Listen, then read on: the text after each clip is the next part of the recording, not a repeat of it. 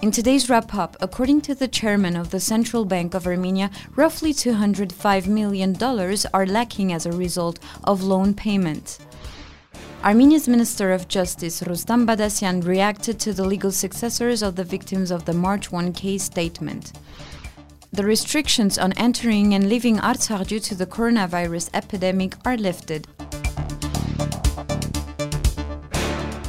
Armenian banks did not receive roughly $205 million due to COVID-19 pandemic as a result of loan payment holidays. Martin Galstyan, the chairman of Central Bank of Armenia, announced today during a press conference. According to Galstyan, Armenia's financial system has responded to the lockdown crisis quite flexibly, providing individuals and businesses credit holidays worth roughly $2.7 billion. He noted that credit holidays were granted to about 550,000 individuals and 70 17,000 businesses. Galstyan said that the general volume of lendings by Armenian banks increased, which were mainly agricultural and business loans. Armenia's central bank had forecasted in June a contraction of 4% of the country's GDP in 2020.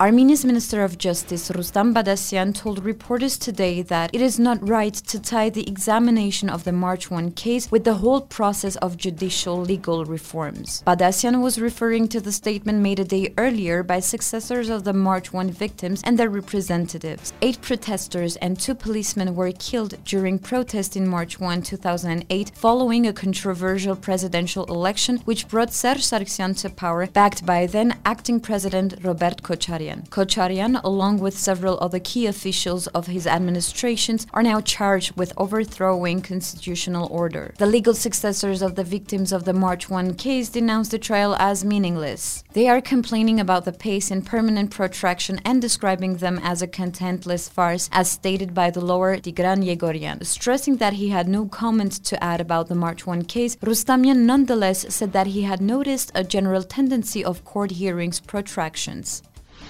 The restrictions on entering and leaving Nagorno-Karabakh due to the COVID-19 pandemic were lifted. The restrictions were introduced on April 20. From now on, there is no need for permission to leave the territory of Nagorno-Karabakh, and the requirement of a PCR test, which was a mandatory condition to enter the territory, is now removed. The reason for lifting the restrictions is the sharp decline of COVID-19 cases in Armenia. The commandant of the emergency state in Nagorno-Karabakh, Zhirer Mirzoyan, stated. The tourism sector sector of Artsakh, which is one of the key drivers of the local economy, was hit by the restrictions. According to a survey conducted by the Artsakh Tourism Department, in the first half of 2020, the tourism sector suffered a more than 80% contraction compared to the same period of 2019.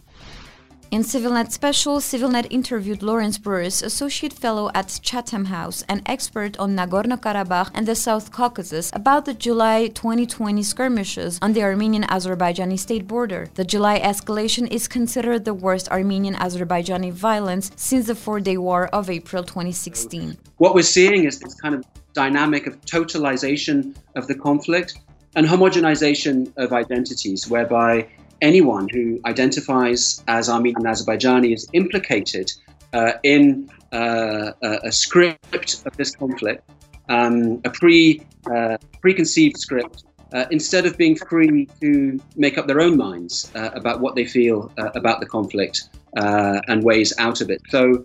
Um, I think this is a very concerning trend, and I think it shows just how easily the dynamics can, can tip out of control uh, for all parties. Dr. Laurence Broers gives also his take on the current state of Armenia Azerbaijan peace talks and his new book entitled Armenia's Velvet Revolution Authoritarian Decline and Civil Resistance in a Multipolar World.